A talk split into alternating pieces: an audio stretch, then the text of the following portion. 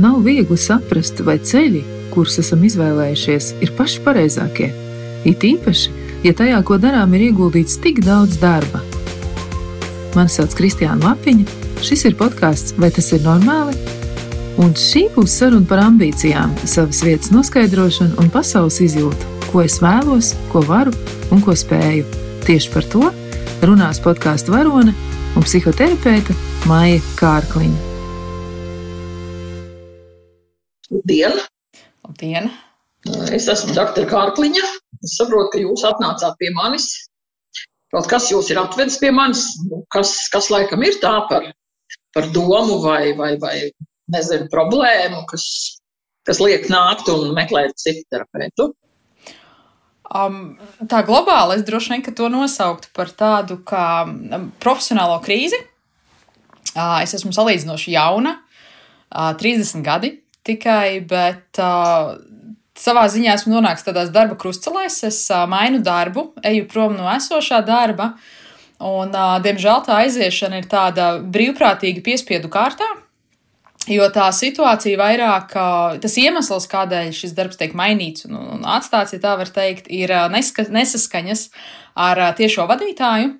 Un tās nesaskaņas var būt vairāk ne tādā ļoti emocionālā līmenī, kā tādā izteiktā konkurence, un es pat atļaušos lietot vārdu izēšana no darba vides.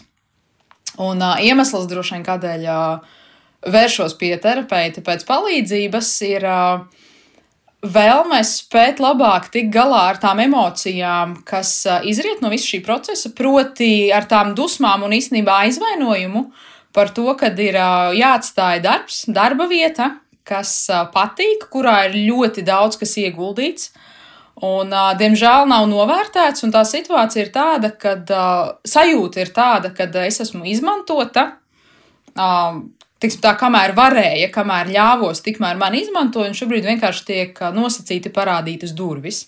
Un tas, ko gribētos, gribētos spēt samierināties, ka ir kā ir, um, dzīve iet uz priekšu, šo attiecīgi šīs durvis aizvērt, nu, un spēt, at, spēt atvērt nākamās un arī nebaidīties atvērt. Jo te ir tāda duāla situācija, kad no vienas puses ir ļoti liels aizvainojums un dusmas par esošo situāciju, un tāpat laikā ir diezgan liela arī baiļu sajūta lekt nezināmajā un sākt kaut ko jaunu. Jo es neaizēju uz citu darbu. Es aizēju vienkārši no esošā darba ar mērķi pēc tam meklēt jau tālāk nākamo darba vietu. Tāda būtu varbūt tā globāli aprakstotā situācija. Tās nesaskaņas jau sen darbā jums ir? Tās nesaskaņas, es pat teiktu, aizmuguriskas, viņas ir ļoti sen. Atklāti, aci pret aci, nu tie ir pēdējie mēneši. Sākotnēji tas mūsu attiecības bija ļoti labas, vismaz man likās, ka ļoti labas, bet um, kamēr tu esi kā jauns darbinieks, tu audz un mācies, ir tas zināms līmenis, kas tev liekas ok, ko tev atļauj darīt, kā tevi novērtē, ir labi. Bet tajā brīdī, kad um, gan mana izglītība, gan teiksim, tā darba pieredze nu, jau ir tāda, kas uh, var konkurēt ar esošo uh, vadītāju, tajā brīdī viss, ko es daru, tiek uh, mākslīgi presēts un suprasēts. Aiz muguras tiek runāts uh, par to, cik labs vai slikts ir tas mans veicamais darbs. Uh, aiz muguras tiek kavēti kaut kādi projekti, kur ir mans vārds attiecīgi bremzēta, tā iespēja man attīstīties uz priekšu. Protams, es tiek turēta tādā vienā kontrols līmenī. Un, ja kaut kādus divus, trīs gadus vairāk vai mazāk es ar to samierinājos, un samierinājos galvenokārt tādēļ, ka man patīk mans darbs. Man varbūt nebija tik svarīgi tur uzreiz lekt pa karjeras kāpnēm līdz tur. Uh, vadošai pozīcijai, tad nu jau ir pienācis uh, tas brīdis, tā latiņa ir sasniegta, kad viss. Es vairs negribu ļaut sev tā teikt kāpt uz galvas vai turēt sevi kaut kādos rāmjos, manas vadības uzstādītos rāmjos. Nevis, teiksim, tā ļaut sev uh, darīt visu to. Nu jā, tad, tad šie pēdējie mēneši ir tādi, ka diezgan atklāti ir šis konflikts. Um, trakākais vai skumjākais tajā situācijā ir tāds, ka, uh, manuprāt, abas puses redz, kad ir problēma, Bet, ja es esmu gatava teikt, ka šī problēma pastāv un runājam un risinam, tad no otras puses atpakaļ ir atbildes reakcija, ka problēmas nav, viss taču ir kārtībā, kas man nepatīk. Nu, es apmēram uzpūšu no mušas ziloni, kad nav jau nekādas reālas situācijas, ko risināt. Nu, tā. Tā tad būtībā tādas um, nu, izrunāšanās, tā kā nākšanas pie kaut kādiem slēdzieniem, kaut kādas analīzes tādas īsti nav. Tā kā ir jūsu taisnība, var teikt, un pretējās puses taisnība. Uh, jā, jo tā komunikācija ir tad, kad ir mēģināts uz viņu vest. Teiksim, tā arī tā vairāk vai mazāk ir bijusi mana iniciatīva vienmēr par to runāt. No otras puses ir tāds uh, mazliet strausa fenomens, galvas miltīs, nekas jau nav noticis. Līdz ar to līdz pat komunikācijai par šo situāciju nevienā brīdī nav aizgājis. Ir mēģināts, ir vairāk kārt mēģināts, bet uh, reālas sarunas nav bijis. Un šobrīd es saprotu, ka Jūs esat tas iniciators, kas, kas iet projām. Jūs esat tā, kas raksta atlūgumu. Ja? Jā, jā, tas nav prasīts, nav teiksim, tā tiešā tekstā teikts, ka man ir jāraksta atlūgums. Tā ir mana savā ziņā izvēle to darīt, jo vienkārši vairs jau nu, ir paliek neizturami. Jo tie darba apstākļi tie, tiek radīti tādi, ka nu, vairs uz to darbu iet negribas. Jā, tā vide ir toksiska, un uh, šobrīd arī visa Covid situācija un pārējais attālinātais darbs, kas uzliek papildus stresu, papildus atbildību, tas vēl vairāk eskalē jau tā esošās emocijas. Nu, nu tad rezultāts ir tāds, jā, kad. Uh, mm -hmm. Šobrīd jūs no mājas strādājat, vai šobrīd jūs no oficiāla strādājat? Uh, pārsvarā no mājām ir atsevišķas dienas vai diena, kad ir jābūt oficiālā uz vietas, bet tā vairāk vai mazāk darbs tiek realizēts attālināti. Mhm. Mhm. Vai ir arī kaut kādas zināmas bailes par to, kas būs tālāk? Tas tā kā jūs nedaudz bremzējat šajā situācijā, jūs teicāt, ka jūs jūtaties dusmīgi un aizvainota, mhm. bet vai ir arī bailes blakus stāvošas kaut kur? Uh, jā, viennozīmīgi. Man liekas, tas ir arī tas pamat iemesls, kādēļ es ļāvu šai situācijai eskalēt līdz tam, kad nu jau vairs nav runa par to, ka mēs viņu varētu atrisināt. Nu jau runa ir tikai par to, ka vienai no mums ir jāaiziet. Uh, Un tās bailes droši vien mesties tajā jaunajā vai darīt kaut ko jaunu ir tās, kas ilgu laiku ļāva man paciest, nu vai ciest esošos apstākļus ar tādu, nu gan jau būs labāk, nu nav jau var tik slikti, tomēr droši pierast savi cilvēki, sava darba vide, savs profesionālais, teiksim tā, izpildījums, kas ir zināms, un tagad to visu pēkšņi nomainīt un sākt no nulles, ja tā var teikt, nu, protams, ir, ir bailīgi to visu darīt. Mm -hmm. Vai um, bailes bieži mēdz būt tās emocijas, kas jūs apmeklē? Vai tas ir ka parasti kaut kādās tādās um, ekstrēmās situācijās, jo šo droši vien, ka mēs tomēr varam uh, saukt par tādu stresa situāciju, kurā nu, nav ikdienišķa? Mm -hmm. nu, es droši vien, ka vairāk teiktu, ka uh, šaubas kaut kur jā, bet tādas īstas bailes nē. Tādā šaubīšanās un svārstīšanās gan es nevaru teikt, ka es esmu cilvēks, kuram uzreiz ienāk ideja, nu tad uz visu banku un neskatoties ne uz ko darām. Nē, man vajag laiku, lai izdomātu, saprastu vai tiešām izanalizētu. Līdz ar to tādas šaubas, jā, par bailēm es viņas ļoti nenosaucu. Šajā situācijā gan, jo te ir tāds radikāls lēmums jāpieņem, bet tā ikdienā vairāk šaubas kā bailes. No kā šobrīd ir tās galvenās bailes? Jūs sakat, tātad darīt kaut ko jaunu, bet ka, kas tur vēl varētu būt apakšā? Kādas vēl sajūtas un bailes no kā? Kas tajā jaunajā tik briesmīgs varētu būt, vai sāk no nulles tik briesmīgs varētu būt, ka tas rada bailes? Um, Droši vien, ka tā ir nedrošība par. Uh, Viens ir noteikti finansiālā situācija, jo mainot darbu, tas ir būtisks aspekts, kas nāk līdzi. Uh, finansiālā situācija, otrs arī, es pat neteiktu, ka varbūt tās būtu tik ļoti kā bailes, kā tas aizvainojums par to lielo ieguldījumu, jo es astoņus gadus strādāju esošajā darba vietā, par to lielo ieguldījumu, kas uh, ir izdarīts, nav novērtēts, un tas tagad paliek, un man viss ir jāsāk no nulles. Tas drīzāk, man liekas, kā pieķeršanās tam vecajam, tai komforta zonai, un tagad izkāpt ir tāds, ka, nu, nu kāpēc? Nu, es taču varētu turpināt to pašu, un tagad visu sākt atkal. Nu tā, bet nu, tādā nu, baiļu viedokļa tā būtu droši vien tā finansiālā puse, kad, jo nav jau garantijas, ka izdosies. Var jau kaut ko mēģināt, un droši vien tā, tā būtu pareizi mēģināt, pastīties, nesenāk, nenokārt galvu, mēģināt vēlreiz, bet uh, ir tā nedrošība, jo šobrīd tomēr ir stabila ienākuma, stabila alga. Uh, nosacīti stabils darbs. Tagad to visu atteikties tādā utopiska mērķa vārdā, kur nav zināms rezultāts, tas ir biedējoši. Jā.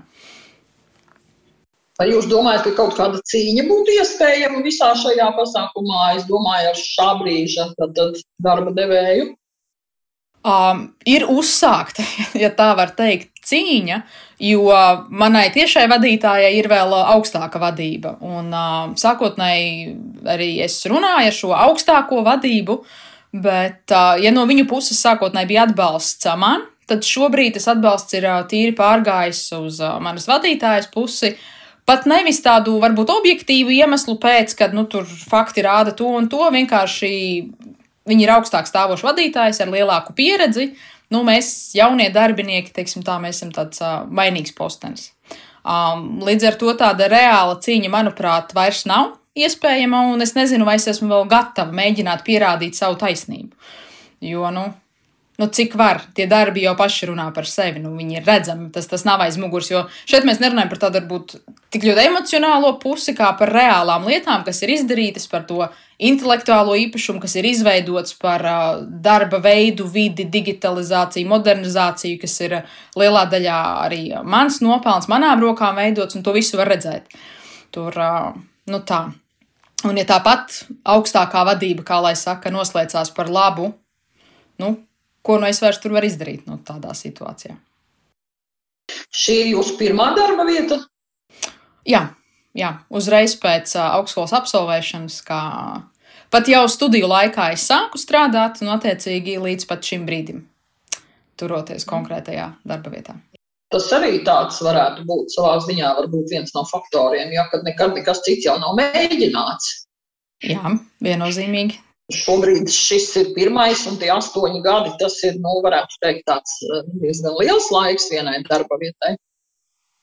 Tā kā no tāda viedokļa jau, nu, tā kā varētu arī mainīt, jā, bet tas, kad ir tas, eh, tas, eh, es saprotu, tas tomēr aizvainojums par to, ka, nu, jūs netiekat novērtēti. Es saprotu, ka tas ir tas galvenais, ka jūs esat ieguldījusies šajā darbā un jūs netiekat novērtēta un vēl kaut kāds zināms mobbings varbūt pastāv. Teiksim. Jā, jā, jā. Mm -hmm, mm -hmm. Bet jums jau tagad ir plāns, ko jūs domājat, ko jūs varētu darīt? Um, uz doto brīdi pat nav. Uh, es zinu, ka, nu, tā, nu, cik nu zinu, bet uh, cik ir dzirdēts, tad standarta situācija droši vien tāda, tajā brīdī, kad cilvēks um, izlemj mainīt darbu, tad parasti ir plāns B. Vismaz idejas, uz kurieni doties vai kurā virzienā skatīties. Tad manā gadījumā plāna B pagaidām nav. Jo tā situācija vienkārši ir tik ļoti sāpīga, ka uh, mans mērķis šobrīd vienkārši ir pārtraukt viņu, tā teikt, beigt darba attiecības esošajā darba vietā, pieļauju mēnesi, divus paņemt pauzi, saprast, uh, ko gribu, kā gribu un uz kurien iet tālāk, un attiecīgi tad meklēt tā nākamo darba vietu. Kas arī ir biedējoši, jo šie divi mēneši ir absolūti absolūt nenoteiktība. Tur um, arī finansiālā puse un, un kopumā nu īsti kas būs, kas notiks, nu, tāda liela neskaidrība par šo daļu. Par finansiālo pusi runājot, eh, ir kādi cilvēki, kas no jums eh, vēl ir atkarīgi šajā finansu pusē, vai jūs esat eh, pati ar savām finansēm? Pati, nu, mēs ar vīru, mēs abi divi, bet nu, viņš arī ir strādājošs, attiecīgi arī viņa ienākumi, bet nu, tādai ikdienas izdzīvošanai nepieciešamas mūsu abu algas. Uh, Līdz ar to ilgtermiņā es noteikti nevaru palikt uh, tikai vienīgi vīra aprūpē. Tas, tas arī ir tāds, kad. Uh, bet uh, citi apgādājumi nav. Mēs esam uh, divi. Mm -hmm, mm -hmm. Nu, jā. nu, tas no tāda viedokļa tā nedaudz, nedaudz uh, drošina visu šo situāciju, ka tomēr ir otrs pelnītājs. Jā, mm -hmm. Nav tā, ka jūs esat viena pati un nu, tad, kad jūs aiziet no darba, tad jums ir vienkārši reāli nulle kontā. Jā, tieši tā. Jā, bet eh, jebkurā gadījumā nu, skaidrs, ka, ja jūs esat izdomājis iet projām, nu, tad tas ir jūsu lēmums. Jā, un, un, un, pašai ir jāskatās tālāk, kāds, kāds varētu būt tas plāns. Jo, jebkurā gadījumā, ja jums arī nav konkrēti plāni, kā jūs sakat, eh, nu, tad kaut kāds tāds eh, nu, tīri vīzijas līmenī plāns droši vien, kad jums kaut kur, kaut kur sēž, man tā negribas ticēt, ka tādai jaunai, skaisti izglītotai sievietei nav plāns B kaut kur tomēr noslēpts tā labi. Teiksim, tas, vai, vai tā būtu tā pati nozara, vai tas būtu kaut kas cits, vai jūs varbūt gribētu vispār varbūt iet kaut kur mācīties un kaut ko citu darīt, vai, vai tomēr mēģināt šajā virzienā, kur jūs šobrīd strādājat, meklēt nākamo darbu. Um. Es, tā droši vien būtu mazliet cita specifika, tā pati nozara, bet uh, cita specifika attiecīgi no tāda varbūt tā izglītojošo darba, vairāk uz tādu vadības pozīciju, kas ir tā darba koordinēšana un menedžments. Tas plāns B ir, bet tā grūtākā laikam daļa ir palaist to plānu A. Jo tā es esmu pieņēmusi lēmumu, jā, es ir, ir grūti un, un nav sevi ko mocīt un jāiet ir projām, bet uh, tas aizvainojums par to, kas ir palicis, tas ir tas, kas īstenībā neļauj arī objektīvi saprast, nu, teiksim, tā, ko darīt tālāk. Jo visu laiku liekas, bet varbūt man tomēr vajag, varbūt šo situāciju var atrisināt, varbūt ir kaut kāda risinājuma. Un es īsti es jūtos iesprūdus pa vidu starp lēmumu, skaidri pieņemtu lēmumu, kad ir laiks doties tālāk. Bija kā bija situācija, un kāda nu viņi ir. Viss viņi ir beigusies, ejam tālāk. Starp to, ka nē, nu, bet varbūt tomēr vēl drusku ir jāsaņemās, varbūt viņu var kaut kā atrisināt, varbūt nevajag skriet projām. Tas ir, man liekas, tas šobrīd man tas lielākais, uh, nu, tāds. Uh, Cīņa pašai ar sevi, nu tad ko? Nu, tā strikti turēties pie lēmuma, eju, daru tālāk, vai tomēr savākt sevi, kaut kur dabūt enerģiju un spēku palikt un, nu, nezinu, mēģināt risināt viņu šajā brīdī. Izklausās, ka jūs tā kā īsti vēl neesat gatava līdz galam rīkoties. Vēl ir tāds zināms, tā kā pārdomu periods, var teikt, tāds strīdus ar sevis periods. Es laikam viņus sauktu par cerībām, jo astoņi gadi vienā darbā, nu, tā ir mana darba vieta. Man patīk kolektīvs, man patīk tas, ko es daru. Uh, vienīgais, nu jā, šī vadības situācija, viss pārējais jau ir brīnišķīgi.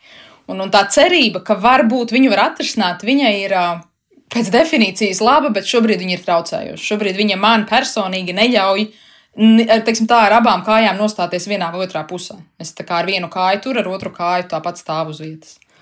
Un, tā. un to es nezinu, kā sev uh, iestāstīt vai kā nonākt līdz tai sajūtai, kad mans lēmums ir pieņemts, viņš ir pareizs, viņš, pareizs un viņš ir galējs. Visu laiku ir tā šaubu daļa, kas nāk klāt. Nu, jā, tas tāds labs termins, pareizs. Ja, jo, nu, galu galā, kas vispār ir pareizs? Ja mēs tā skatāmies, jā, tas, kas vienam ir pareizs, otram ir pilnīgi nepareizs. Tā kā tas arī tāds interesants uh, termins. Bet es domāju, ka te ir jā, kaut kādas acīm redzot tās jūsu bailes un nedrošība par to, ka, nu, kad aizejot, jūs kaut ko varat zaudēt, un tāda, kā jūs sakat, klusa cerība, ka varbūt kaut kas atrisināsies pats no sevis, ja tā teikt. Ja? varbūt pēkšņi būs kaut kāds brīnums, jā, un, un kaut kas notiks. Lai gan, kā mēs zinām, brīnumu nav. Visiem brīnumiem ir kaut kāda priekšvēsture, lielāka vai mazāka. Ja? Bet es saprotu, ka jūsu spēkos nu, nav šo cīņu izcīnīt ar šo citu cilvēku. Ja? Nu, šobrīd, jā, šobrīd es esmu atkarīga no augstākās vadības lēmuma, uh, par to, kurā tad, nu, ja tā var teikt, kurā pusē būs tas gala, teiksim, tā atbalsts no viņiem. Vai nu tas būs, tā būs mana puse, attiecīgi mēs kaut ko mainām un darām, vai attiecīgi tā būs manas tiešās vadītājas pusē, kur nu tad jau vairs nav izvēles. Nu, tad es sevi neredzu šajā kolektīvā vairs ne pie kādiem, teiksim, tā apstākļiem. Nu, neatkarīgi, pat ja tiek mainīti. Jā, jā, jā, jā, jā.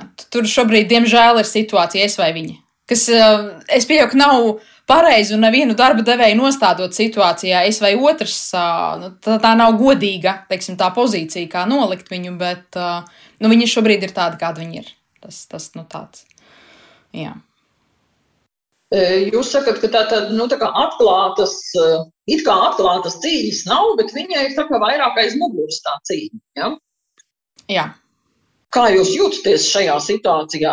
Kā, ka, kas jums ir tas, kas nu, traucē strādāt? Jo jūs sakat, ka jūs nevarat strādāt vairāk šādā veidā. Kas tad ir tās par lietām, kāpēc jūs nevarat strādāt? Ja jums, kā jūs sakat, nu, tieši tā netraucē. Mm -hmm. um, tā vairāk ir tāda kā bezspēcība par to, ka tu nespēji kontrolēt uh, situāciju, kas notiek. Jo mums visiem tomēr ir svarīgs tas savs vārds un uzvārds, tas, ar kādu viņš tiek teiksim, tā, publiski pausts, un, un, un kas ir tas viedoklis par katru no mums kā cilvēku, kā profesionāli, kā darbinieku. Un katreiz uzzinot aiz muguras, kad ir teikts tas, ir darīts tas, ir, un vēl sevišķi, ja tiek melots, un kas ir briesmīgākais, acīs tiek smaidīts un stāstīts, ka viss ir kārtībā, un pēc tam aiz muguras ir tā nenormālā liekuļošana. Tā bezspēcība, ka tu jau nevari tu ietekmēt, nu, tu nevari izskraidīt katram tagad un stāstīt, nē, šī tā nav, tie ir mēlī, es tur tomēr tāda nesmu, es daru tā un nevis šitā. Un uh, tas ir tas, kad visu laiku par to domāt, un, un kad ik pa laikam uzpeld tā informācija, tās dusmas un vispārējais, tas vienkārši neļauj koncentrēties uz tām lietām, uz kurām vajadzētu koncentrēties, kas ir reāli tiešie pienākumi, darbs, kas būtu jādara. Jo visu laiku ir jādomā, ja es darīšu tagad šādi, kā tas iztīsies, ko, kā tas tiks interpretēts, kā tas tiks pasniegts, vai gadījumā nebūs tas un tam līdzīgi. Jo cieši arī mani padotie, jo kaut kādi projekti vai pārējās darbības, kur parādās mans vārds, attiecīgi tikai tādēļ, ka tur ir mans vārds, tiek kavēti arī viņu izaugsme, attīstība. Un tad tās, teiksim, tā uzliek tādu kā atbildības sajūtu, kad it kā manas vainas pēc arī tagad cieši viņi, kas nu nav mana vaina, jo, nu, es jau nevaru ietekmēt to manas tiešās vadītājas darbības, bet viņa tiek pagriezta tā, ka es tieku vainota pie visas esošās situācijas, arī konkrētā tekstā pasakotiem maniem padotajiem, par to, ka, redziet, ja nebūtu tāda situācija, šāda nebūtu. Bet ņemot vērā, ka šāda situācija ir, tad, nu, ot, viņas dēļ mēs tagad darīsim tā un šitā un tā. Un tas viss to vidi uztaisīs ļoti toksisku, ka tev nākot uz darbu, principiāli nav pat. Uh, nu, par prieku nemaz nerunājot, bet pat tādas uh, kaut vai neitrālas uh, situācijas, kādā strādāt.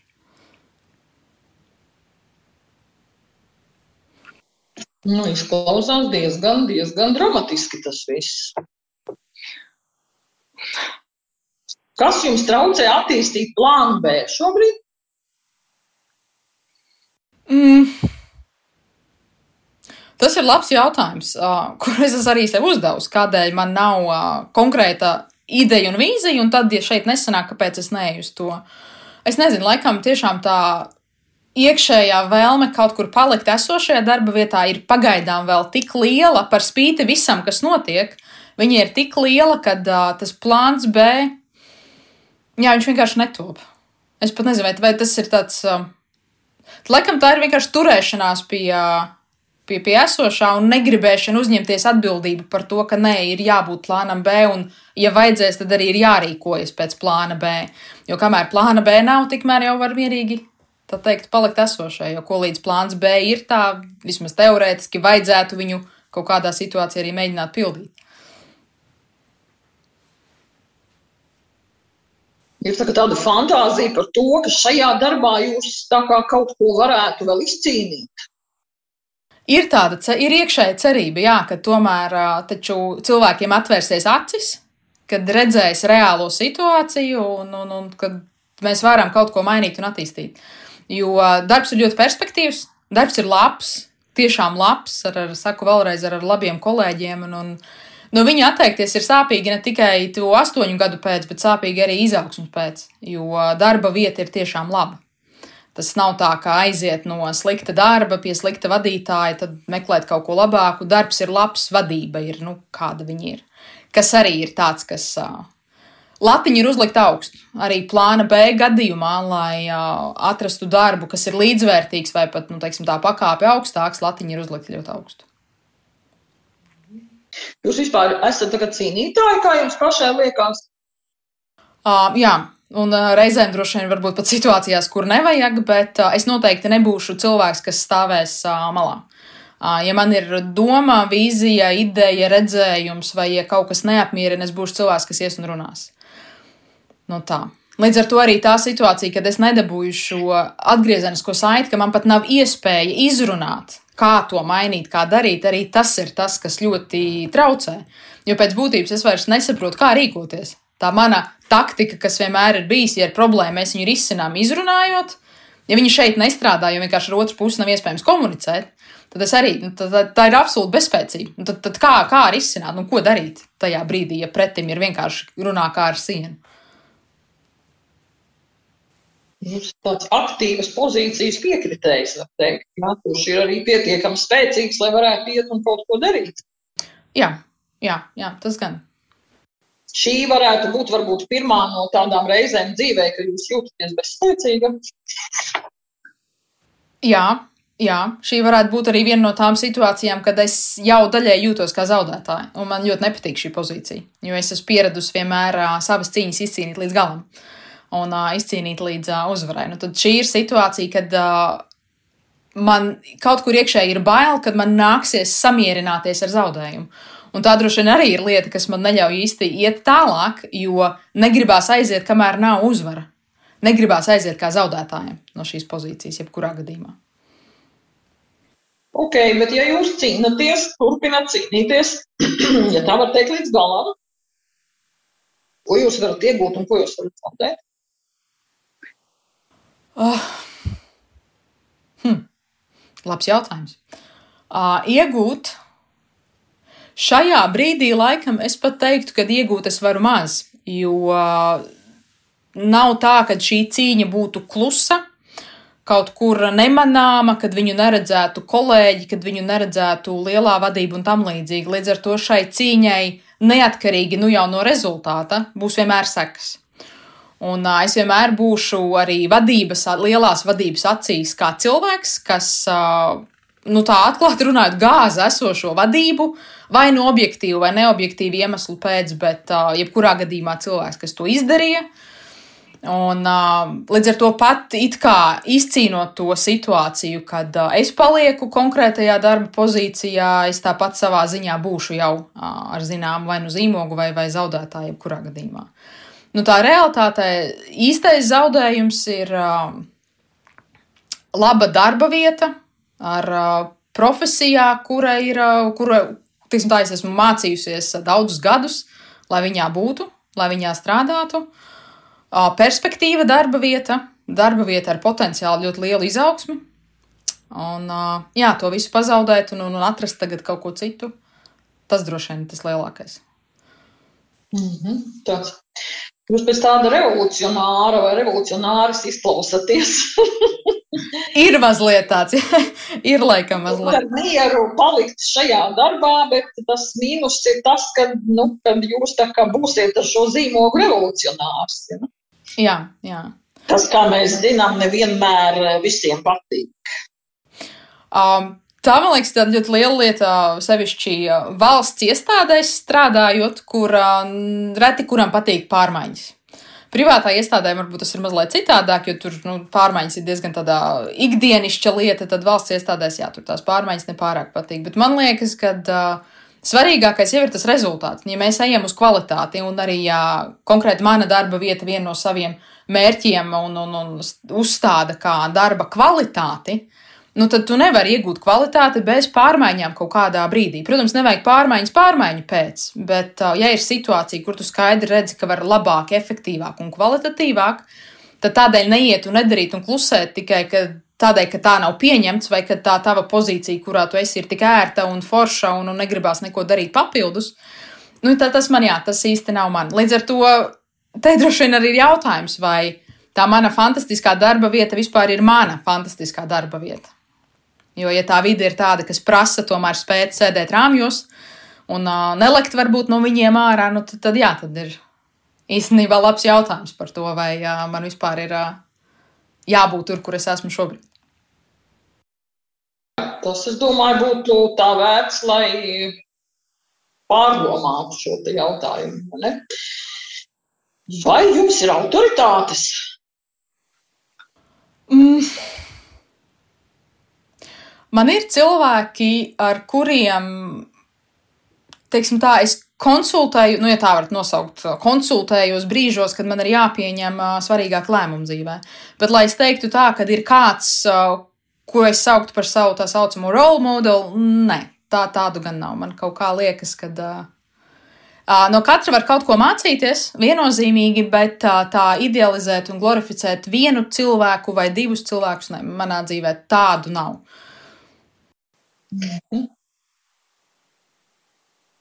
Jā, nu tas ir, varētu teikt, jau jaunās paaudzes, šī gadījumā jūs kā 30 gadnieks, pilnīgi noteikti esat jau jaunās paaudzes cilvēks, kurš vispār nav piedzīvojis padomu laikus. šī te, nu tāda, varētu teikt, kopīga īpašība, ja, ka bieži vien uh, jauniem cilvēkiem nav šīs te autoritātes tādas ļoti izteiktas, kuras ir bijušas kādreiz Un, ja mēs skatīsimies tālāk vēsturē, jo tās autoritātes būs vairāk izteiktas. Ja mēs vairāk skatāmies uz mūsdienām, jo tās autoritātes ir mazāk izteiktas. Un šeit es saprotu, ka tās autoritātes īsti nav, un tikpat labi jūs pati varat būt pietiekami revolucionāri un pietiekami autoritāti, lai jūs arī iet un kaut kādas lietas darītu. Un jūs arī saprotat, ka nu, tā diezgan, diezgan labi un globāli redzat eh, savā darba vietā to, ko tur vēl varētu darīt, un, un, un ir kaut kādi plāni un idejas. Un, Un, ja jums tur ļautu strādāt, tad iespējams, ka jūs tur liels lietas sadarītu. Ja? Jautājums, vai šī ir jūsu vieta? Jā. Un varbūt, kad arī, nu, varbūt, kad nākamā vieta būs, būs tāda, kas iedos jums kaut ko vēl vairāk. Man te ir jautājums par šo tiešām jā, jāizsver. Nu, tas par to cīņu, jā, cīnīties vai necīnīties.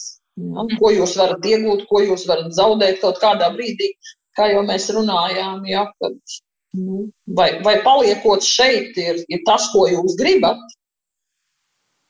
Ja, vai jūs gribat, pie, piemēram, ka mēs tā uzburam ainu, kad pēkšņi kaut kas notiek, un jūs dabūjat šīs vadītājas vietu, un šī vadītāja kaut kur izgaist, nezinu, dabū paaugstinājumu vai vēl kaut kur.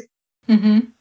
Un pēc visas šīs te uh, vēstures, kur nāk pēc visa šī te background, vai jūs nu, gribētu tur atrasties, vai, vai jums patiktu tur atrasties. Vai tas būtu komfortabli, vai tas būtu tas, ko jūs vēlaties un gribat sasniegt? Es laikam pat teiktu, ka šobrīd vairs ne. Un tā īstenībā arī ir viena lieta, kas mazliet nu, tā kā ēd no iekšpuses, jo ja tas viss būtu noticis tā pakāpeniski, un, piemēram, tā uzbūrta aina ar uh, mani vadītājas pozīciju, ja viņa būtu nākusi pakāpeniski, viņa būtu fantastiska.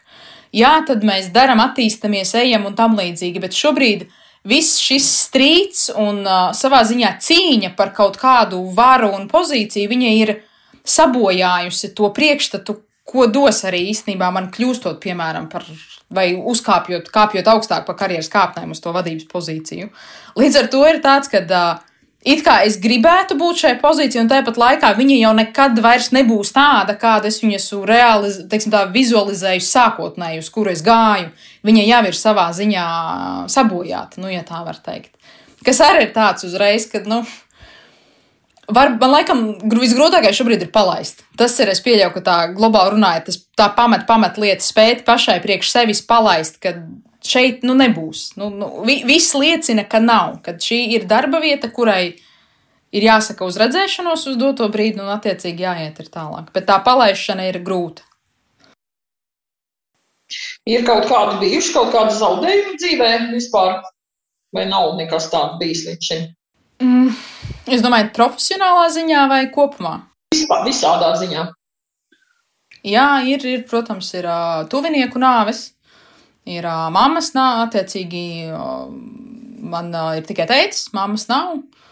Un, un, un uh, jā, tas, tas viss ar kaut kur droši vien varbūt ir uh, atstājis tā. Bet man jau gribētu teikt, ka tas otrādāk ir manī audzinājis par um, spēcīgāku raksturu cilvēku attiecīgi vairāk paļauties pašai uz sevi, nevis uz, uz, uz to, kas notiek apkārt, un varbūt neļaut arī tādām traģiskām situācijām un traģiskām lietām ietekmēt to, kas uh, notiek ar mani. Nē, protams, zaudējumi kā tādi jau savā ziņā, nu, tā kā jūs sakat, norūda. Ja? Norūda, nocietina, Lai gan no otras puses, nu, tā ir kā tāda aizsarga reakcija pret to, ka var kaut kas ļauns notikt atkal, un tad mēs jau tā kā esam gatavi tam, ka, aha, ja kaut kas būs, tad mēs jau būsim sagatavojušies, jo mēs būsim stipri šajā gadījumā. Ja? Tā kā iespējams, ka tā arī ir tāda, nu, savā ziņā tā, tāda pieķeršanās pie tā pēdējā salmiņa ar domu, ka, nu, bet varbūt, varbūt, varbūt, ja tāda cerība tomēr. Un, Tas, ka nu, varbūt kaut kas mainīsies, būs kaut kāds tas brīnums, jā, bet, bet nu, nu, to ir grūti teikt. Protams, to, to mēs redzēsim, vai tas brīnums būs vai nebūs. Jā. Bet katrā ziņā es domāju, jā, ka tā varētu būt saistīta arī ar kaut kādu iepriekšēju, varbūt arī pieredzi, jo mēs to gribam vai nē, bet mēs jau nākam no savas, savas dzīves pieredzes. Mēs jau nevaram nākt no citu cilvēku dzīves pieredzes, jo mums viņas vienkārši nav. Mm -hmm. Un tas tā, jā, kādā vecumā jūs mammu zaudējāt? Seši gadi. Seši gadi. Mhm. Uh -huh. Nu, jā. Nu, tas ir pietiekami mazs vecums, lai neteiktu vairāk. Ja jūs atceraties mammu vispār? Uh, miglaini. Ir, uh, ir pāris atmiņas, jā, kur, kur uh, es atceros, kā viņi izstījās uh, tajā laikā, bet, uh, lai teiktu tā, ka es varētu, piemēram, šobrīd reflektēt par to savu bērnību un mūsu pavadīto laiku kopā, nē, tas kaut kā ir. Uh, Vai nu pagaisis, vai es esmu to tā nolikusi malā, jo sāpīgas atmiņas tomēr, nu, kopumā, vai, uh, nezinu, bet tā vizuāli es varu iztēloties, kā viņi izties, jā, es, ir, ir fotografijas ar tāpat, un, un, un, Mm -hmm, mm -hmm. Un tad jums tuvākais cilvēks dzīvē ir tētis? Tētis, jā, tētis, viennozīmīgi tētis. Mm -hmm. Vai kaut kādas omītas, vecmāmiņas? Uh, Omīte bija, šobrīd man, teiksim tā, no abu vecāku puses vecvecāki ir tajā saulē jau, bet ar mammas māmu man bija ļoti labas attiecības arī bērnībā visas vasaras. Uh, pavadītas laukos pie viņas, pie, pie Omītas un, un, un tā. Bet viņam, ja mēs runājam par tādu tiešām vecāku tēlu, tad tētis ļoti labi spēja kompensēt to situāciju, kad, teiksim tā, es nekad neesmu izjutusi to, kad man īsti nav mammas. Jo tēvs vienmēr ir spējis būt uh, abi vecāki vienā personā, ja tā var teikt. Mm -hmm, mm -hmm. Jā, tas ir ļoti labi. Man saka, medaļa jūsu tēvam par, par, par izturību un pacietību un gudrību. Ir spējis tādu meitu izaudzināt. Bet, jā, nu, es domāju, ka jā, jūsu personība, jūsu šis revolucionārais gars kaut kādā mērā noteikti jā, ir saistīts ar to. Jā, un arī šis te, ka tās autoritātes nav. Jo, nu, māma diezgan bieži ir autoritāte. Mm -hmm. Nav vismaz kaut kādā mērā, ja šeit tādā, nu, teiksim, tādā apzinātā vecumā īsti tās autoritātes vairs nav. Viņi ir neapzinātā vecumā, protams, jā, bet apzinātā vecumā viņi vairs nav. Tā kā, nu, jā, tas uh, savā ziņā skaidro uh, varbūt jūsu personības īpatnības, nu, par kurām mēs šobrīd runājam, jā, lai, lai būtu zinām skaidrība no kurienes kas rodās. Mm -hmm. Tā kā es domāju, ka jā, ka šobrīd laikam tiešām ir tas, ka nu, šī problēma, ar kuru ir jātiek kaut kā galā un jāpiedzīvo tas, kad, kad iestājās šī te, nu, tāda vīzija par, par plānu B, vīzija par to, ko vispār darīt šobrīd. Mm -hmm. Šobrīd, piemēram, pēc mūsu, pēc mūsu iztirzātajām lietām, ir kaut kādas, varbūt, jaunas eh, pārdomas vai domas radušās, vai kaut kāds secinājums, vai kaut kas tam līdzīgs. Uh, īstenībā tā lieta, ko es noteikti paņemšu līdzi no šīs sarunas, ir, uh, vai es tiešām cīnos par īsto lietu, proti, vai man ir jābūt tajā pozīcijā, par kuru es tik ļoti cīnos. Jo es tā nebiju aizdomājusies īstenībā, ka šī pozīcija jau pēc sava apraksta īsti nesadara ar to, kāda es esmu. Jo es neticu, ka arī pēc šīs uh, cīņas, ja tā var teikt, ar esošo vadību, kad nenāks nākamās, kad um, arī šī cīņa man droši vien neieliks rāmjos, jo es vienkārši neesmu cilvēks, kuram ir viegli būt tādos skaidri definētos rāmjos. Un, jā, tā ir tā lieta, kas, ko es noteikti pārdomāšu, vai es, cī, vai es savu enerģiju šobrīd cīņai tērēju tiešām tur, kur man viņu vajag tērēt. Vai man vajadzētu pieslēgties plānam B un, un atrast pozīciju, kurā es varu sevi realizēt pilnībā, kur man nav jāziedo kaut kāda daļa no sevis tikai tādēļ, lai atrastos konkrētajā darba vietā. Tas droši vien būs tas, ko es, ko es nebiju pirms tam īstenībā aizdomājusies, jā, tādā rakursā. Varbūt, ka šobrīd man vienkārši tāda ienāca ideja fiks galvā, kad uh, varbūt šobrīd ir, piemēram, iespēja paņemt atvaļinājumu un tā pilnīgi mierīgi, relaksēti, nedarba atmosfērā, mm -hmm. domāt kaut kādas lietas, aizbraukt pie dabas tepat kaut kur un, un, un, un varbūt, tādā mm, atpūtā nāk kaut kādas uh, viedas domas prātā un kaut kādas pārdomas un kaut kāda saprašana par to, vai tiešām ir vērts cīnīties, kā jūs sakat, varbūt, jūs tā kā Dons Kihots ar veidzinavām šobrīd cīnaties, ja, kas, kas tiešām nav neproduktīvi, ne arī kā citādi jums kaut ko dodoši, drīzāk tas, tas paņem enerģiju un, laiku, un galu galā varbūt par šo laiku jūs jau varat sākt realizēt savu plānu B. Tieši tā.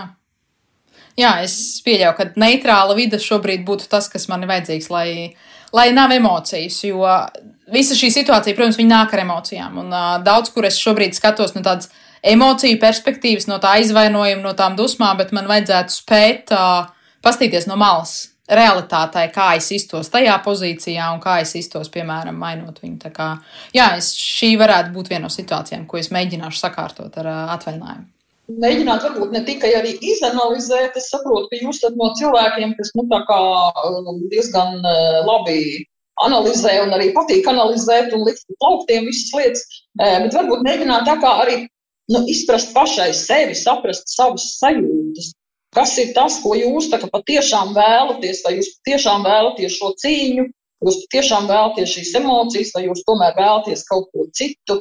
Jā, jebkurš kaut kas jauns nāk mums ar zināmām bailēm, jo tas ir kaut kas nezināms. Un loģiski, ka jebkas, kas ir nezināms, mūsos izraisa bailes. Ja?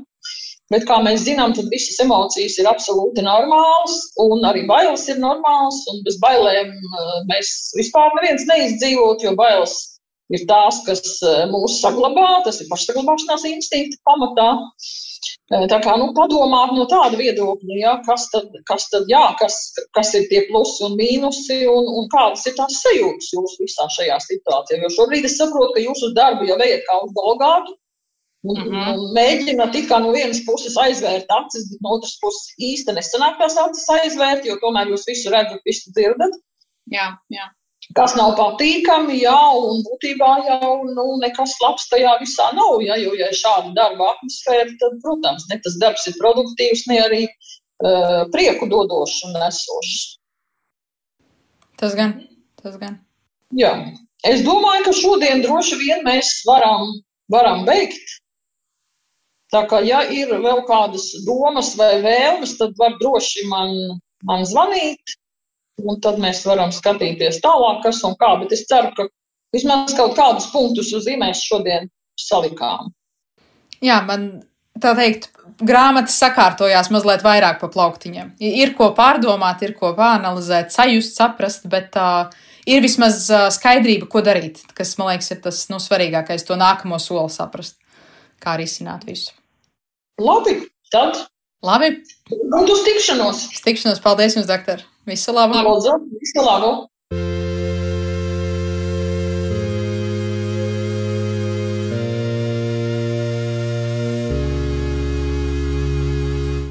Šī sarunas daļa ir mana saruna ar podkāstu viesņu, jeb galveno varoni, ja tā var teikt. Un eh, mans pirmais jautājums, protams, ir tāds, nu, kāds ir tas galvenais slēdziens, jeb tas, eh, nu, tā pēcsajūta, ko varbūt varētu noformulēt dažos teikumos, kas ir pēc tā visa, kādas ir tās izjūtas pēc šīs sarunas?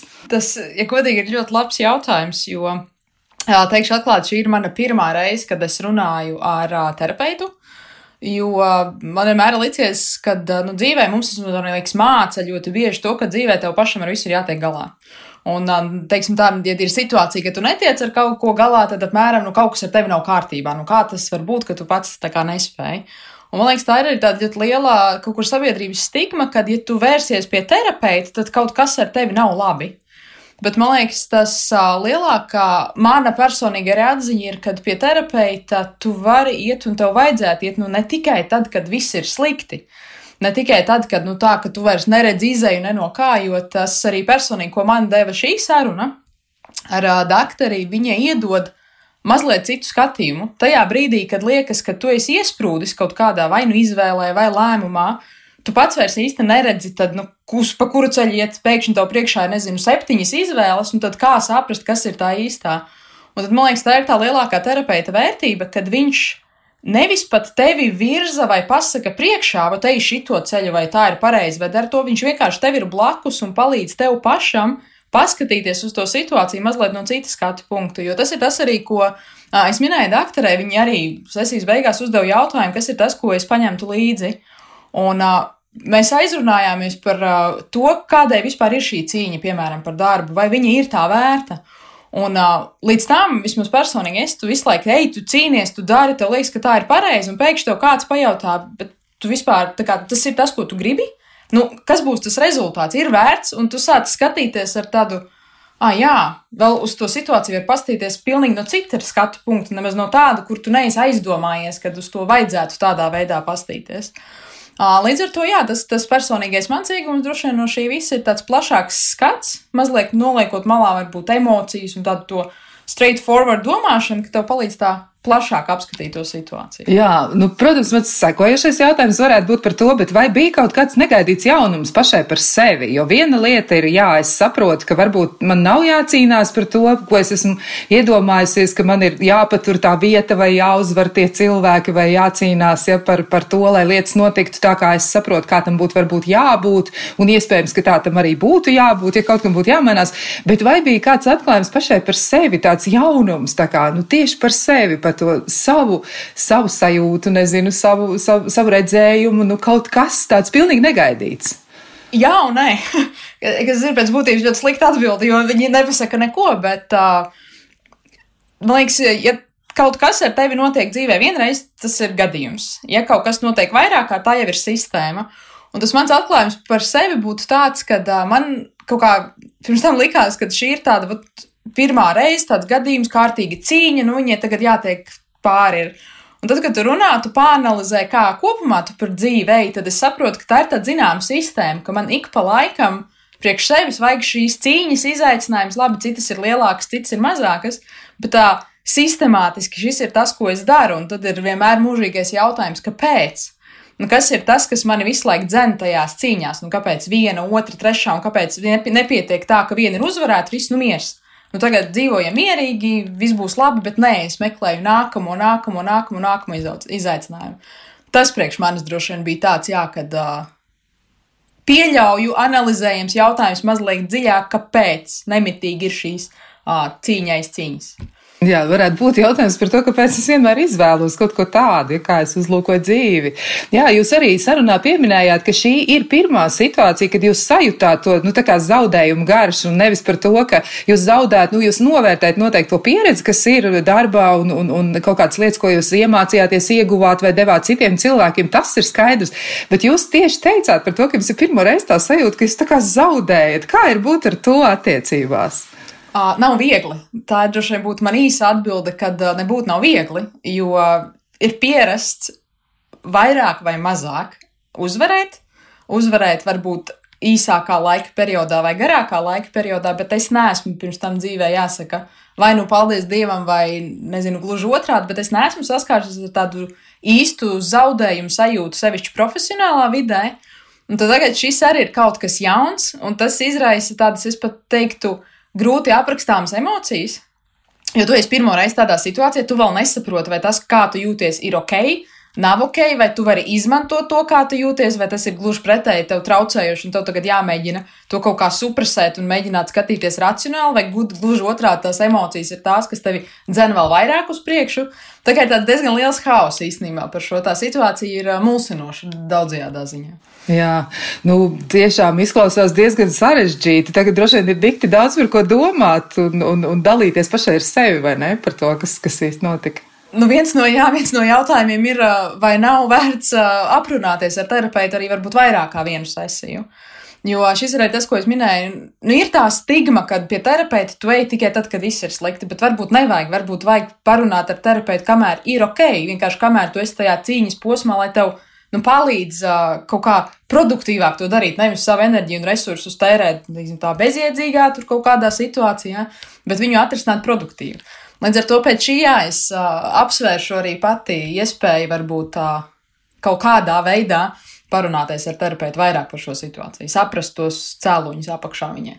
Bet, eh, ja jūs vēl mēģinātu apsvērt attiecībā uz citiem cilvēkiem, nu jūs teicāt, tā, tā, tas jūs viens no slēdzieniem ir tas, ka nevajag gaidīt, kad katastrofa būs vai kuģis būs izjucis un viss grimst, ja, un ūdens smeļās mutē, bet, eh, nu, ka tā kā profilaktiski, preventīvi aprunāties, bet, eh, ja jūs vispār vērtējat, nu, piemēram, jaunu un relatīvi jaunu cilvēku e, profesionālās ilgas vajadzības un tādas lietas, kā jums šķiet, nu, vai lielai daļai cilvēku varētu būt līdzīga situācija kā jums? Jo man liekas, ka tā tiekšanās uz mērķi vai tā, tā kā vajadzību aktualizēšana par sevi, ka es redzu dzīvi citādi un man tas šķiet svarīgi, nu, sasniegt tās lietas, kas man ir būtisks. Kā jūs to varētu komentēt attiecībā uz citiem cilvēkiem, kas jums ir blakus, noteikti jūs draugi, paziņas, nu, cilvēki, kas ir līdzās?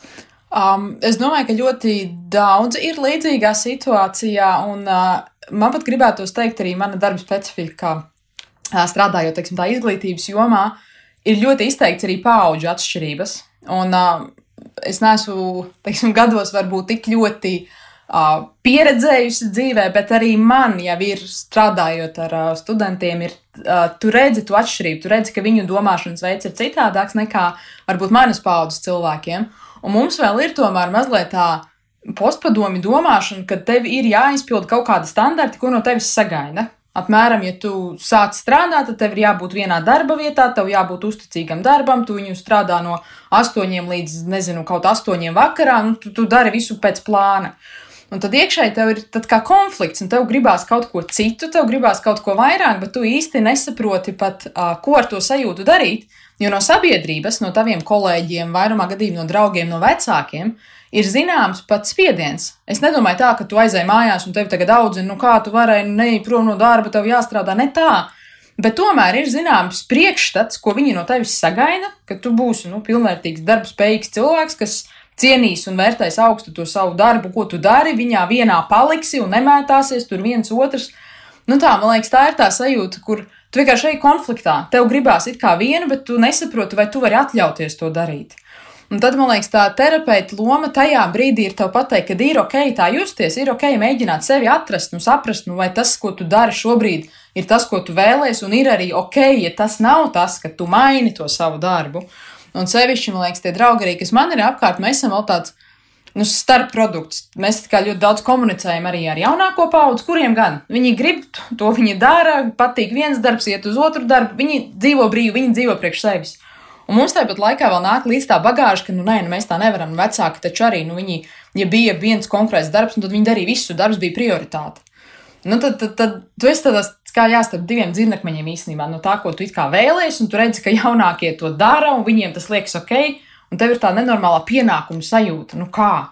Nu, es taču strādāju, nu, man ir jāstāv, nu, tagad pēkšņi ņemšu un mainīšu, nu, kā tas var būt. Tā kā es domāju, ka noteikti ļoti daudz cilvēku ir tajā pozīcijā, kad spēr to soli savukārt nomainīt. Uh, ja tu esi, man gribētu teikt, tikko 18, 19 jauns, ka tev vēl nav tāda liela bagāža arī darbā, ir vieglāk. Tu tausties, tu meklē, tu atrod, bet tagad tu jau kaut kādu laiku esi strādājis, tev ir zināma drošības sajūta, tev ir zināmas expectācijas no darba, tu zini arī zināma finansiāla stabilitāte. Uh, Un tagad ņemt un spērt to soli un kaut ko mainīt tikai tādēļ, ka, nezinu, ir grūtāka diena, sliktāks periods vai, vai kaut kas neapmierina. Man liekas, mēs parasti izvēlamies meklēt uh, problēmu sevī. Nu, kā tas var būt, ka es vairs netieku galā? Nu, taču visu laiku bija ok, nu, visu laiku man, nezinu, ne, netraucēja, ka mani tur vairāk izmanto, mazāk izmanto, varbūt tur uzliek papildus darbus un tā, un pēkšņi man tas vairs nepatīk. Nu, kā tas var būt? Mēs tā, man liekas, primāri neaizdomājamies, ka varbūt vienkārši tā nav tā darba vieta, kurā tu gribi būt. Mēs primāri meklējam, kur tad ir problēma. Kāpēc tad es vairs nespēju to izturēt? Nu, kas, kas man kaiš aptuveni? Nu, tā, tā kā es domāju, ka šī ir diezgan tāda, populāra à, lieta. Varbūt reizēm pat neatpazīst. Jā, iespējams, ka tā ir. Jo cilvēkiem ir tendence desmit izteiksmēs, no kurām divas ir nepareizas, uzreiz pievērst uzmanību nepareizajiem. Pārējās astoņas viņi vienkārši tā kā palaiž garām, jo tur viss ir kārtībā.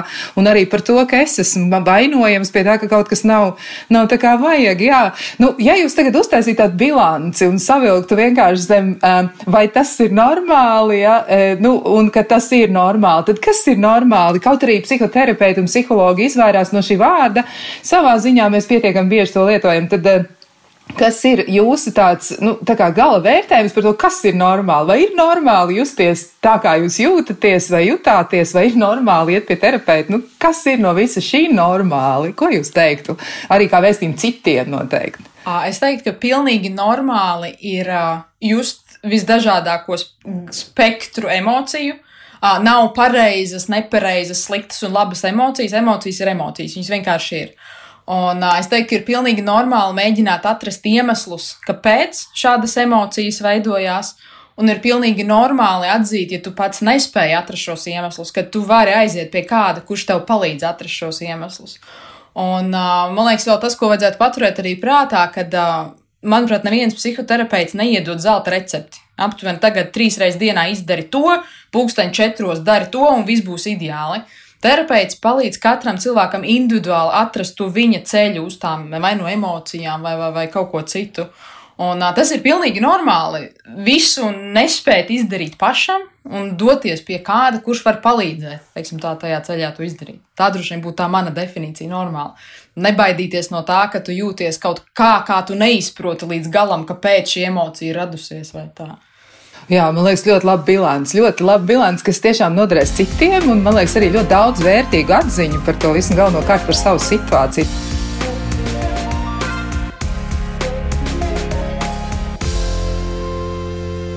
Šī ir mūsu sarunas daļa ar psihoterapeiti, ar, ar Maiku Ārkliņu par to, kas tad īsti notika tur uh, sarunā un arī tādas dažas lietas atziņas varbūt, kas ir par to visu.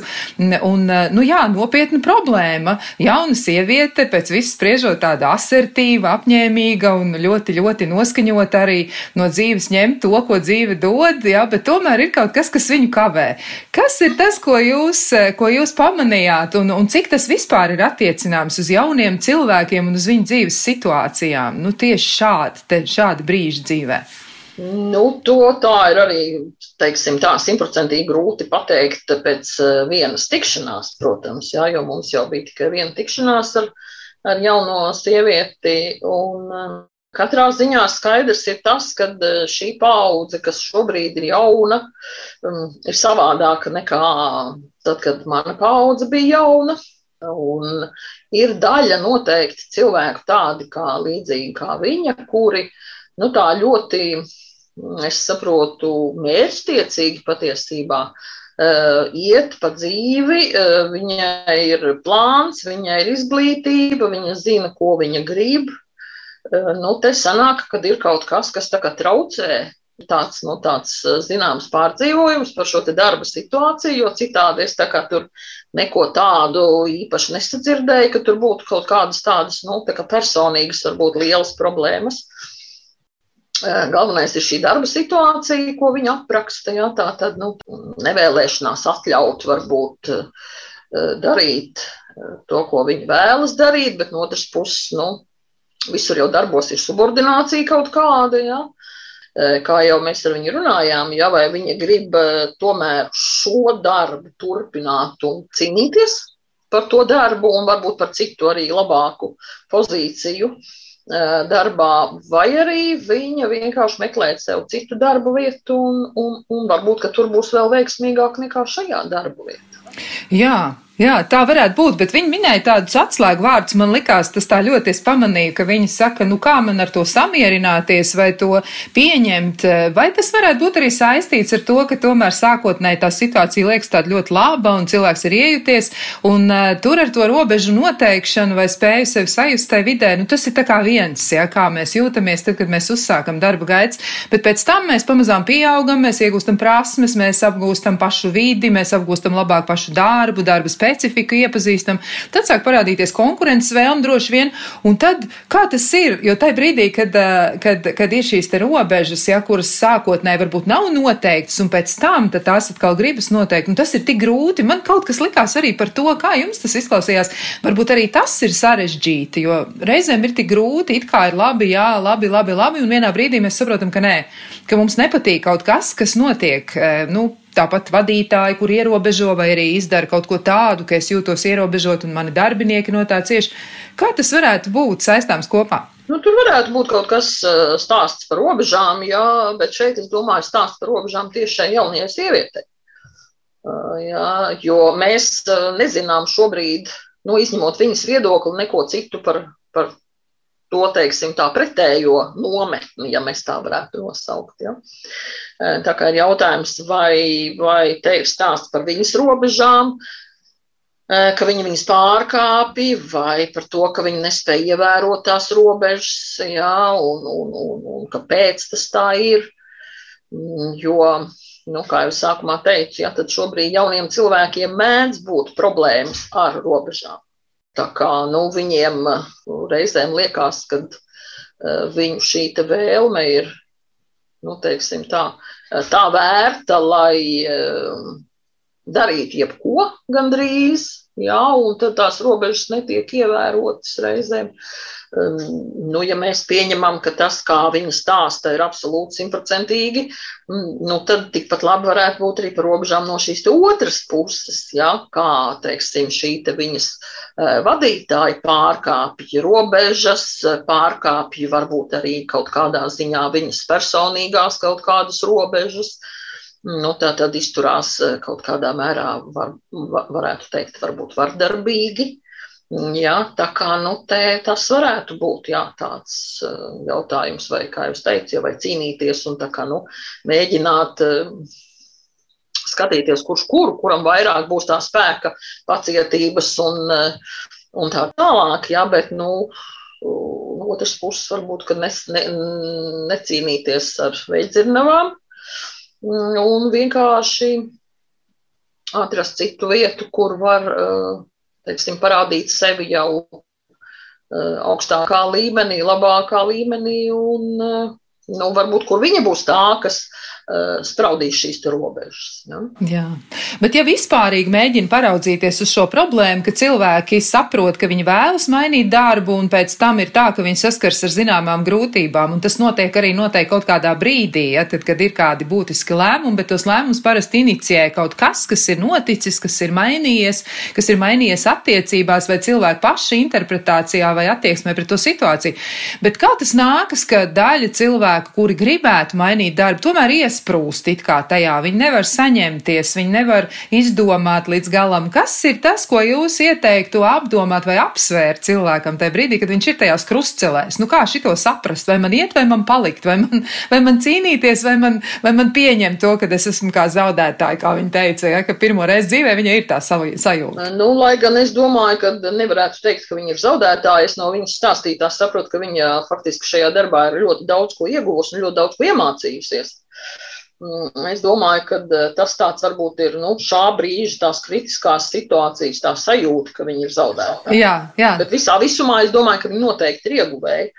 Mm, to vienkārši ir mm, nu, varbūt grūti saskatīt šajā situācijā.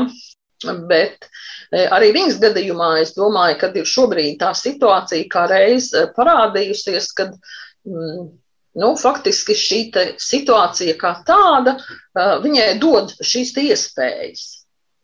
Ja? Un kā jau jūs teicāt arī iepriekš, ja, kad um, daudziem cilvēkiem mainot darbu vai arī nemainot darbu, ir kaut kādas krīzes situācijas. Jautājums, kā viņi no tām krīzes situācijām iziet. Ja? Vieni iziet mainot darbu, otri iziet nemainot darbu. Bet, jebkurā gadījumā, gan vienā, gan otrā situācijā, nu, cilvēki kaut kāda apstākļa dēļ nonāk līdz kaut kādai robežai. Un tad ir jautājums, vai viņi teiksim, tā, aiziet prom tiešām jau un meklē kaut ko citu, vai arī viņi pieņem, nu, droši vien ar sāpošu sirdi un bieži vien ar dusmām un aizvainojumu, bet pieņem esošos noteikumus un turpina strādāt šajās darba vietās. Es esmu dzirdējis par ārkārtīgi labvēlīgām darba vietām, Un tajā pašā laikā es esmu dzirdējis arī par ārkārtīgi nelabvēlīgām darba vietām. Un, ja mēs runājam par tām nelabvēlīgajām darba vietām, tad Man reizēm ir tāds jautājums, vispār, kā tur cilvēki vispār strādā, kā viņi vispār tur turās, kā viņi vispār iet uz to darbu. Tas ir apbrīnojami. Bet, nu, acīm redzot, mm, vieniem tas ir varbūt izmisums, ka cita darba nav, ja cits varbūt ir pieredzējis pie šādas attieksmes dzīves garumā, un viņam šī attieksme liekas normāla salīdzinoši. Ja? Citam viņi savukārt neliekās normāli. Nu, mēs esam ļoti dažādi. Mēs katrs nākam no savas ģimenes, no savas vidas, ar savu dzīves pieredzi. Līdz ar to arī tās prasības pret to apkārtni mums arī ir dažādas. Jā, bet kāda varētu būt samaksa par to no tā paša konkrētā cilvēka, ja viņš tomēr neatrod veidu, kā pieņemt tādu labāko lēmumu attiecībā uz sevi? Jo, ja, piemēram, viņš cieš, nu, tā kā arī e, jūs teicāt, ja tas bosings tur ir un, un tiešām spiediens ir liels un tā spriedze ir visu laiku pavadoša un katru dienu, ja, un, un arī, arī e, nu, podkāstu varoni teica, ka viņai ir grūti uz darbu iet un, un būt tajās attiecībās.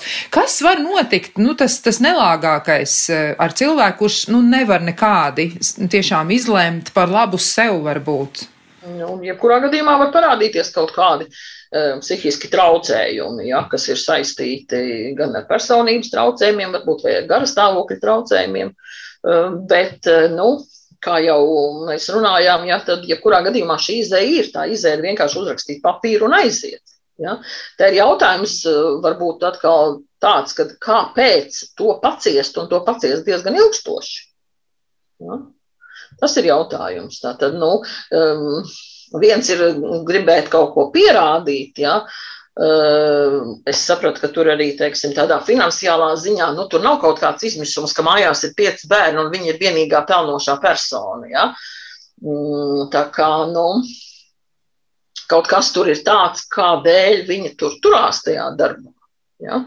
Kādēļ viņa pacieš to visu, jo viņai ir grūti to paciest, tajā pašā laikā viņa to dara. Ja? Jo mēs jau pilnīgi neko nerunājām par viņas, teiksim tā, nu, iepriekšējo dzīvi līdz šim darbam, ja? un mēs par to absolūti neko nezinām. Līdz ar to mēs varam, nu, teiksim tā, spekulēt varbūt uz, uz kaut kādām lietām drusciņ šobrīd. Jā, bet, bet šķiet, ka tā saruna ir devusi varonai diezgan daudz, jo viņai bija arī nu, tāda secinājuma par sevi, ko viņa varētu darīt. Viņa nonāca pie tādām diez, diezgan tādām skaidrām atbildēm. E, kā jums izklausās arī un pašai liekas, un arī balstoties uz jūsu pieredzi, kas jums ir darbā ar, ar klientiem, ar pacientiem, Ko varētu dot cilvēkam e, iesaistīšanās psihoterapijā vai konsultēšanā, nu, ka viņš aiziet pie konsultanta, arī iespējams pie psihologa, varbūt, ja kur ir īsāka termiņa iespēja e, pastrādāt ar kādu. Ko tas viņam varētu dot? Kas ir tas, kas varbūt būtu tas būtiskais, e, ko tas cilvēks varētu iegūt? Nu, viņš varētu priekš sevis kaut kādas lietas noskaidrot, kas viņam varbūt nav īpaši skaidrs, iepazīt labāk sevi viņš varētu ja, apgūt kaut kādas stresa menedžmenta, varbūt lietas, komunikācijas lietas, tātad nu, kaut ko tādu, kas viņam dzīvē pēc tam varētu noderēt. Jā, izklausās, ka tur ir diezgan daudz kas. Jā, es arī domāju par to. Tā tomēr ļoti sarežģīta dzīve, ja, kurā mēs šobrīd esam, ka mums ir tie algotie darbi vai tās attiecības, kas ir vēl citas, ja, jo ir ģimene, tās ir vienas attiecības, ir, ir attiecības ar draugiem, attiecības ar cilvēkiem blakus, un vēl ir arī tās darba attiecības. Un izskatās, ka tās aizņem milzīgu daļu no dzīves. Un tad tiešām jādomā par to, kā to komfortu nodrošināt, nu, kā justies labi ar to, ko es daru kā, kā ar to būt. Varbūt ir arī vēl kaut kas tāds, ko katram pašam vajadzētu sev pajautāt. Varbūt ir kāda doma par to, nu, jā, balstoties gan uz šo sarunu, gan arī vispār uz jūsu pieredzi. Nu, ko cilvēkam būtu vērts apsvērt? Tīri pēc savas cilvēcīgās pieredzes teikt, ka uh, man šobrīd ir ļoti paveicies un uh, savā pamatdarba vietā es strādāju slimnīcas nodaļā, m, kurā Es uzskatu, mums ir brīnišķīgi kolēģi, brīnišķīgs kolektīvs, un es uz turieni eju ar prieku. Un tad, kad kāds eh, kolēģis tur kaut ko saka par to, ka viņam tur kaut kas eh, nepatīk, vai vēl kaut kas, vai viņam ir viena alga, tad, tad man tā liekas dīvaini, ja, jo man tiešām nav viena alga. Uh, kas notiek nodeļā. Man nav viena alga, kā tur izskatās. Eh, man nav viena alga, kā mēs strādājam, ja, kā mēs izturamies pret cilvēkiem. Man, man patīk gala beigās eh, puķis uz, uz palodzes, ja, un es par viņām priecājos. Skatos, tagad mums orhidejas atkal zied uz palodzes. Un, mm, Es domāju, ka tas ir arī tāds, nu, varētu teikt, savā ziņā arī mūsu pašu attieksmes jautājums, kā mēs skatāmies uz tām lietām. Uh, vai mēs kā gribam to glāzi ieraudzīt pustukšu vai puspilnu, ja, jo no nu, jebkurām vietām mēs varam atrast arī kaut kādas sliktās lietas, protams, ja, bet arī kas, nu, kas ir svarīgs mūsu dzīvē, ja, jo, nu, manuprāt, jā, pēc ģimenes otrā vietā noteikti ir darbs, kas mums ir svarīgs. Jā, izklausās, ka tas tomēr ir ritīgi nozīmīgi. Jā, ja par orhidejām runā, tad, ja tas ir tas, kas, kas tiek pamanīts, droši vien, ka tā ir zīme, ka ar darbu ir, ir viss kārtībā un ir labas izjūtas. Noteikti.